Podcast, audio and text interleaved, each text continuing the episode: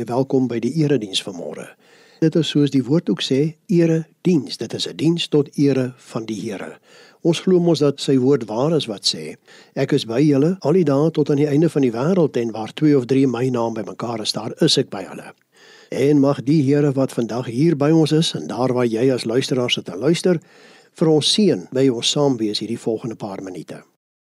Hemelse Vader, Dankie dat ons mag bely dat hierdie diens in die naam van die Vader en die Seun en die Heilige Gees is. Amen. Ek groet jou dan as luisteraar. Genade en vrede vir jou van God ons Vader en Jesus Christus ons Here. Kom ons loof die Here dan met 'n loflied, Psalm 33 verse 1, 2 en 7. Sing juigend, sing 'n nuwe loflied.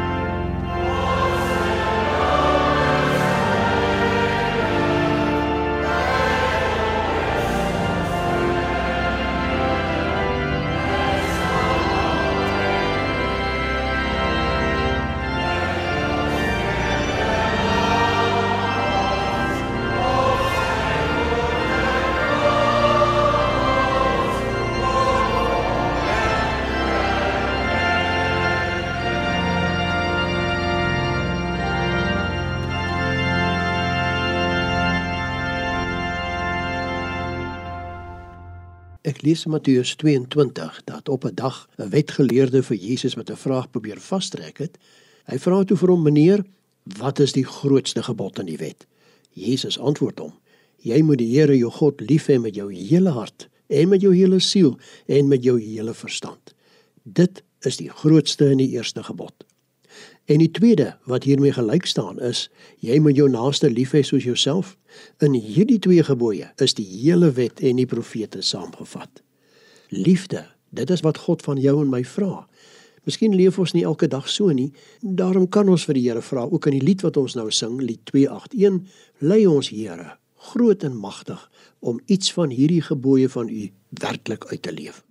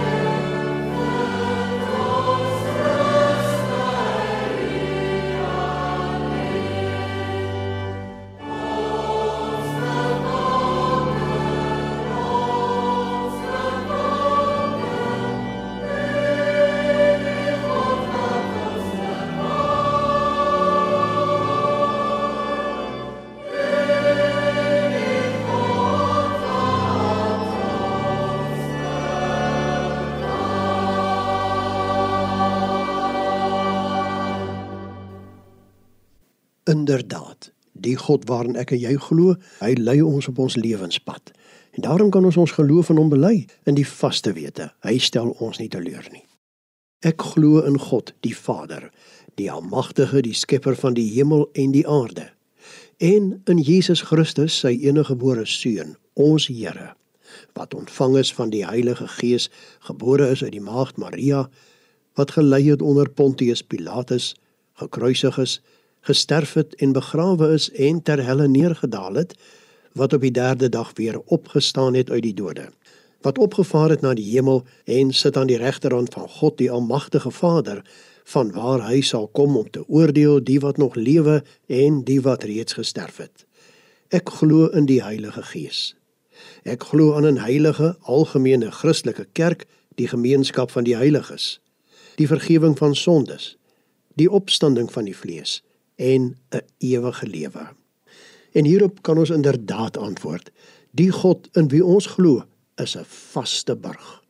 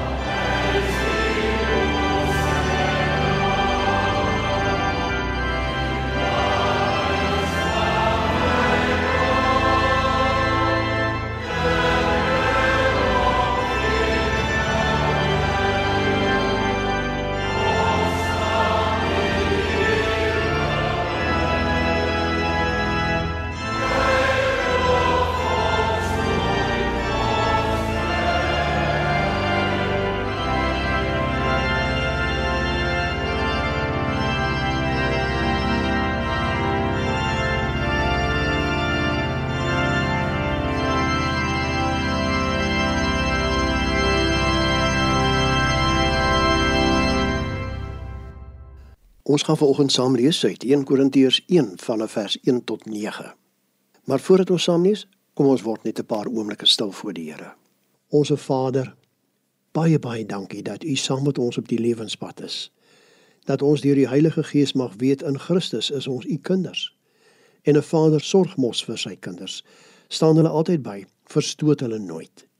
Dit is ons vaste wete ook vandag. En dankie dat U vir ons so oorlaai met al U goedheid dat ons vandag kan sê dankie Here. Al wat ons nodig het, het ons in U gevind. En dan bid ons ook dat U U woord vir ons sal duidelik maak, dat ons weer die Here praat met ons. Ons bid dit in Jesus se naam met danksegging. Amen. 1 Korintiërs hoofstuk 1 vanaf vers 1. Van Paulus wat deur die wil van God geroep is om 'n apostel van Christus Jesus te wees en van die broer Sostenes aan die gemeente van God in Korinte wat hy vir hom in Christus Jesus afgesonder en geroep het om aan hom te behoort en verder aan almal waar hulle ook al mag wees wat die naam aanroep van Jesus Christus, hulle Here en ons Here. Genade en vrede vir julle van God ons Vader en die Here Jesus Christus. Ek dank my God altyd oor julle vir die genade wat hy in Christus Jesus aan julle geskenk het. Want in hom het God julle in alles ryklik geseën, veral in die gawes van woord en kennis. Die boodskap van Christus is onder julle so goed gevestig dat dit julle nie aan 'n enkele genadegawe ontbreek nie. Julle bly ook vol verwagting uitsien na die verskyning van ons Here Jesus Christus. Dit is hy wat julle ook eintyd sal laat vas staan sodat daar geen aanklag teen julle sal wees op die dag dat ons Here Jesus Christus kom nie. God is getrou. Hy wat julle geroep het om verenig te lewe met sy seun Christus Jesus, ons Here.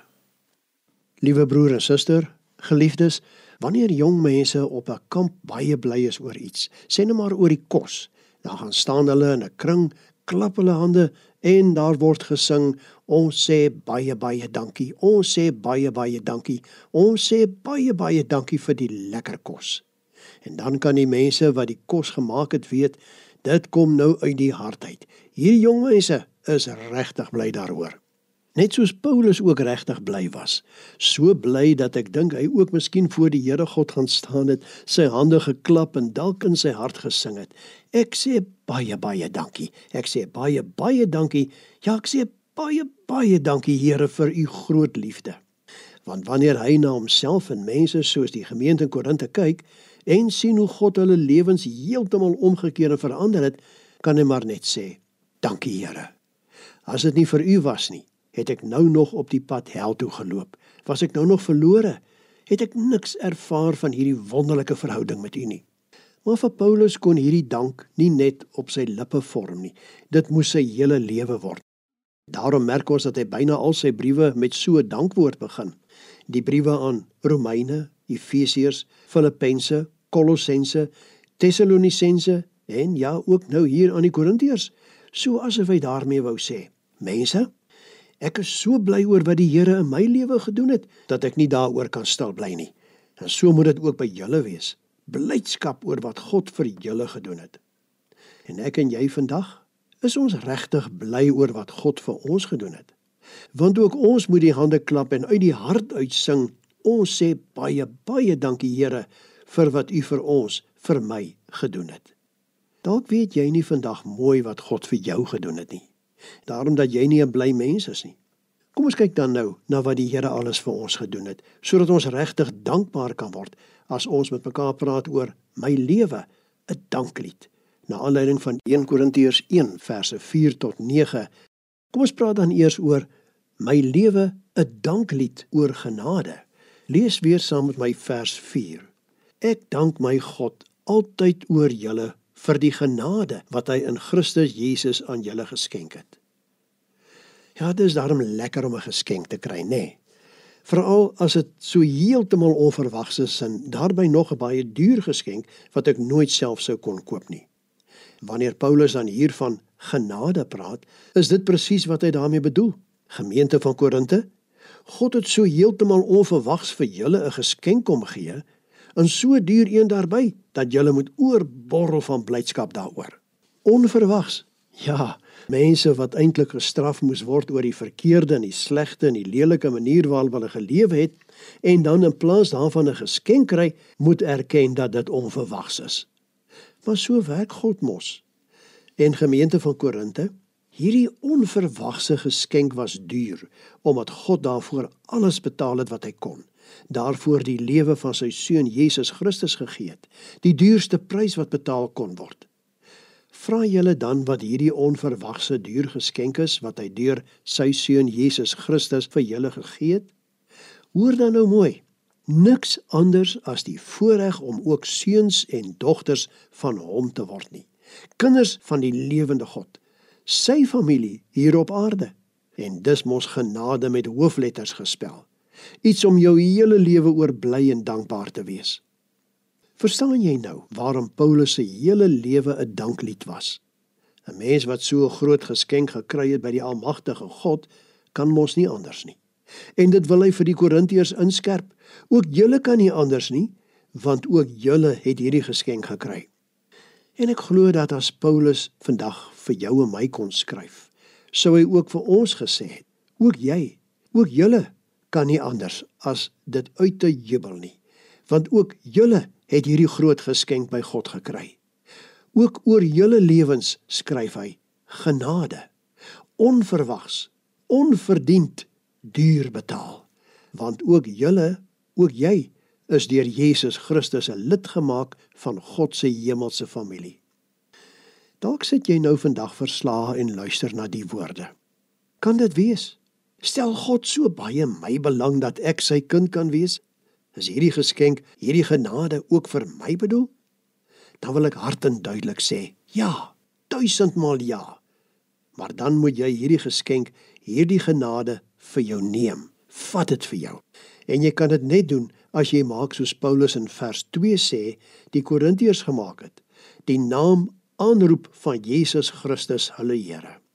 Iemand wat so maak, maak sy hele lewe wyd oop vir Jesus dat hy daarin kan kom woon.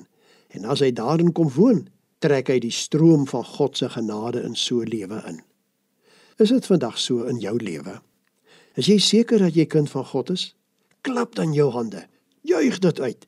Ek sê baie baie dankie Here vir u genade, vir die geskenk om aan u te behoort.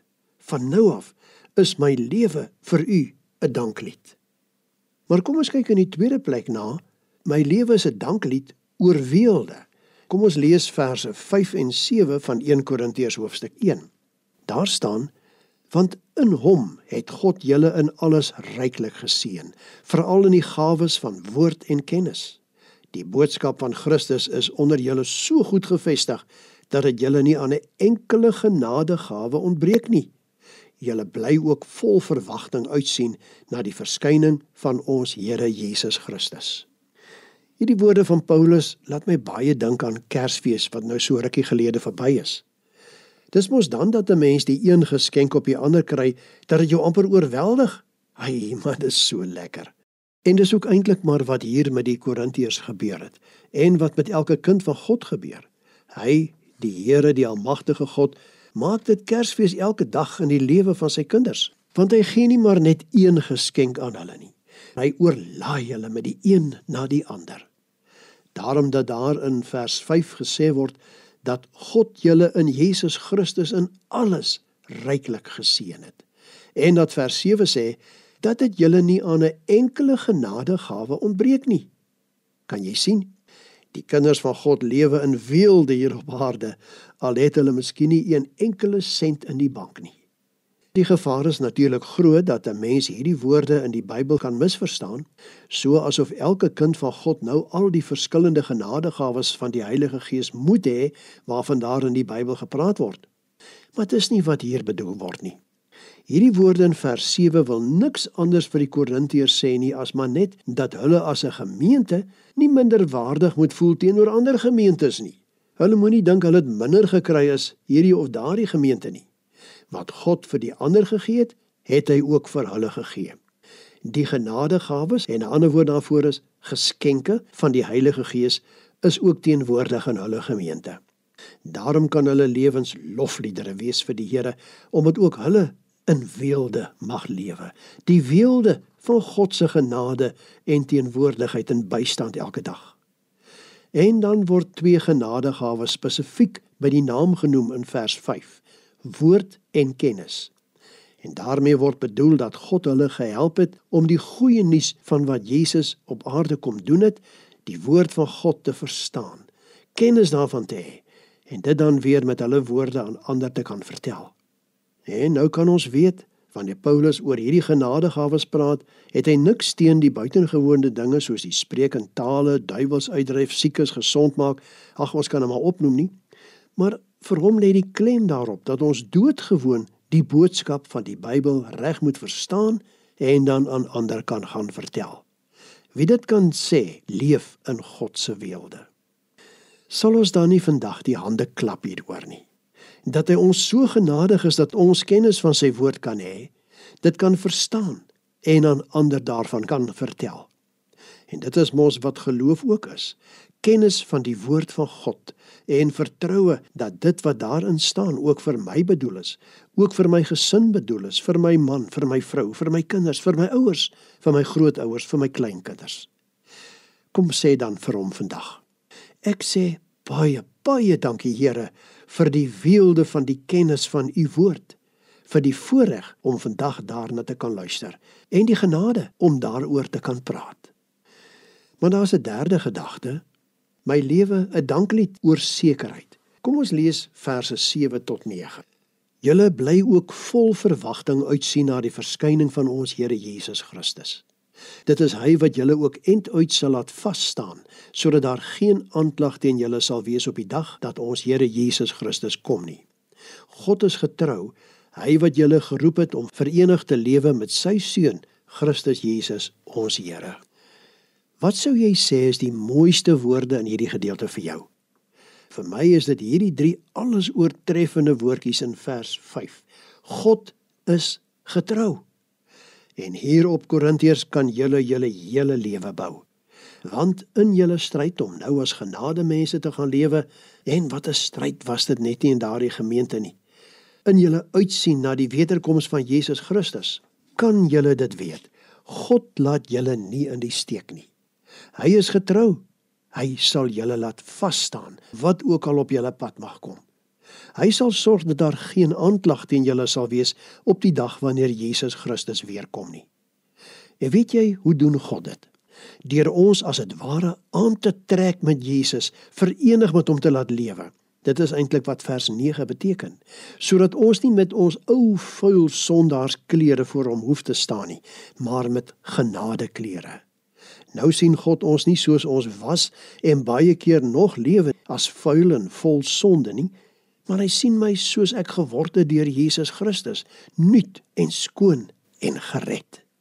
So kan daar mos geen enkele aanklag teen die kinders van God ingebring word op die oordeelsdag nie. Trouwens, In Matteus 25 sê Jesus dat vir hierdie mense gesê sal word: "Kom, julle wat deur my Vader geseën is, die koninkryk is van die skepping van die wêreld af vir julle voorberei. Neem dit as 'n erfenis in besit." Wat 'n sekerheid. Is dit nie iets om oor te sing nie? En dit alleen omdat God getrou is. Het jy hierdie sekerheid? Dan hoef jy nie bang te wees vir die toekoms, vir die oordeelsdag, vir daardie oomblik wat jy voor die troon van die Here moet gaan staan nie want sien God is getrou. Hy sal sy kinders bewaar tot aan die einde toe. En met so God wat my vashou, wie kan my uit sy hand ruk? Johannes 10 vers 29 gee die antwoord: Niemand kan julle uit die hand van die Vader ruk nie. Hieroor kan 'n mens werklik hande klap en sing. Ek sê baie baie dankie Here vir die sekerheid dat U my sal help om hier op aarde vir U te lewe deur dik en dun. As 'n mens bly is, kan jy nie anders as om te sing nie. Soos jong mense op 'n kamp, maar veel meer nog soos genade mense elke dag van hulle lewe in hierdie wêreld. Gaan sing dan met jou lewe 'n danklied vir God oor sy genade, sy weelde en sy sekerheid wat hy aan ons as sy kinders hier op aarde gee. En laat die wêreld hoor dat die kinders van God 'n vreugde in hulle hart het. En dit begin by my en by jou. Onse Vader baie baie dankie vir dit wat u in Christus Jesus vir ons kom gee het. Ons voel ook lus om vandag ons hande te klap. Ons voel ook lus om te sing. Ons wil vir almal rondom ons, my man, my vrou, my kinders, my ouers, my grootouers, my kleinkinders vertel hoe gelukkig en bly en vrolike mense ons is. Want Jesus Christus, die saligmaker, die gelukkigmaker, woon in ons lewens. Saam met hom loop ons die pad sien ons kans vir alles wat om ons lewenspad mag kom. Die res van hierdie Sondag, maar ook elke dag van 2023. Ons kyk dan nou vooruit, Here, en ons weet U, ons Here, ons vaste burg, is die ene wat ons sal lei deur ons hele lewe totdat U vir ons kom haal. Ons dankie daarvoor in Jesus Christus. Amen. Kom ons sluit ons erediens vandag af met die mooi lied 219 verse 1 tot 3. Laat ons sing van ons verlosser.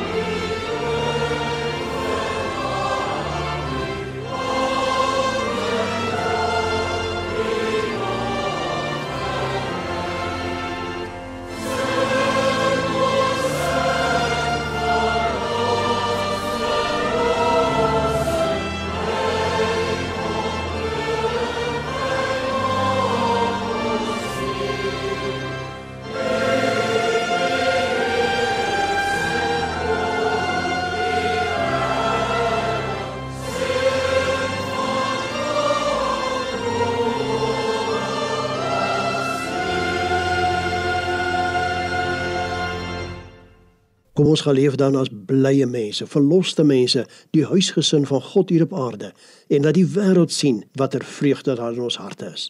Ek groet jou dan. Mag die genade van ons Here Jesus Christus en die liefde van God en die gemeenskap van die Heilige Gees met jou wees. Amen.